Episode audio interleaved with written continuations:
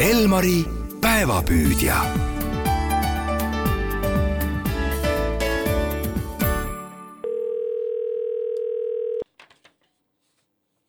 jaa, tere. tere, minu nimi on Tarmo Kurm ja ma helistan raadiost Elmar, kas ma räägin Maiega oi, jaa, täpselt nii väga tore, tere Maie. ma saan olla praegu no, tere, hea, tere. heade uudiste tooja teile saan olla, nimelt just teie olete, teie olete Romu raadio konkursi neljas finalist, nii et palju õnne. Armas, oi kui armas.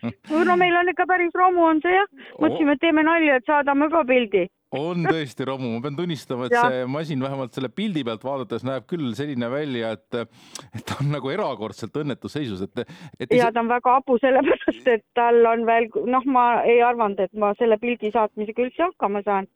no möödunud sajandi üllitis, üllitis, et ta ootab meil väljavahetust, et me kogu aeg ootame, et nüüd, nüüd, nüüd. Ja siis mõtlesin, okei okay,, et teeme talle ennem ikka ilusad matused ka, et ennem ei lõpeta midagi aga selle, selle raadioga vist on nii, et peaks küsima mitte, et mis temaga juhtus, vaid mis temaga ei ole juhtunud, sest tundub, et vist, vist kõik asjad on temaga juhtunud, ma ei tea.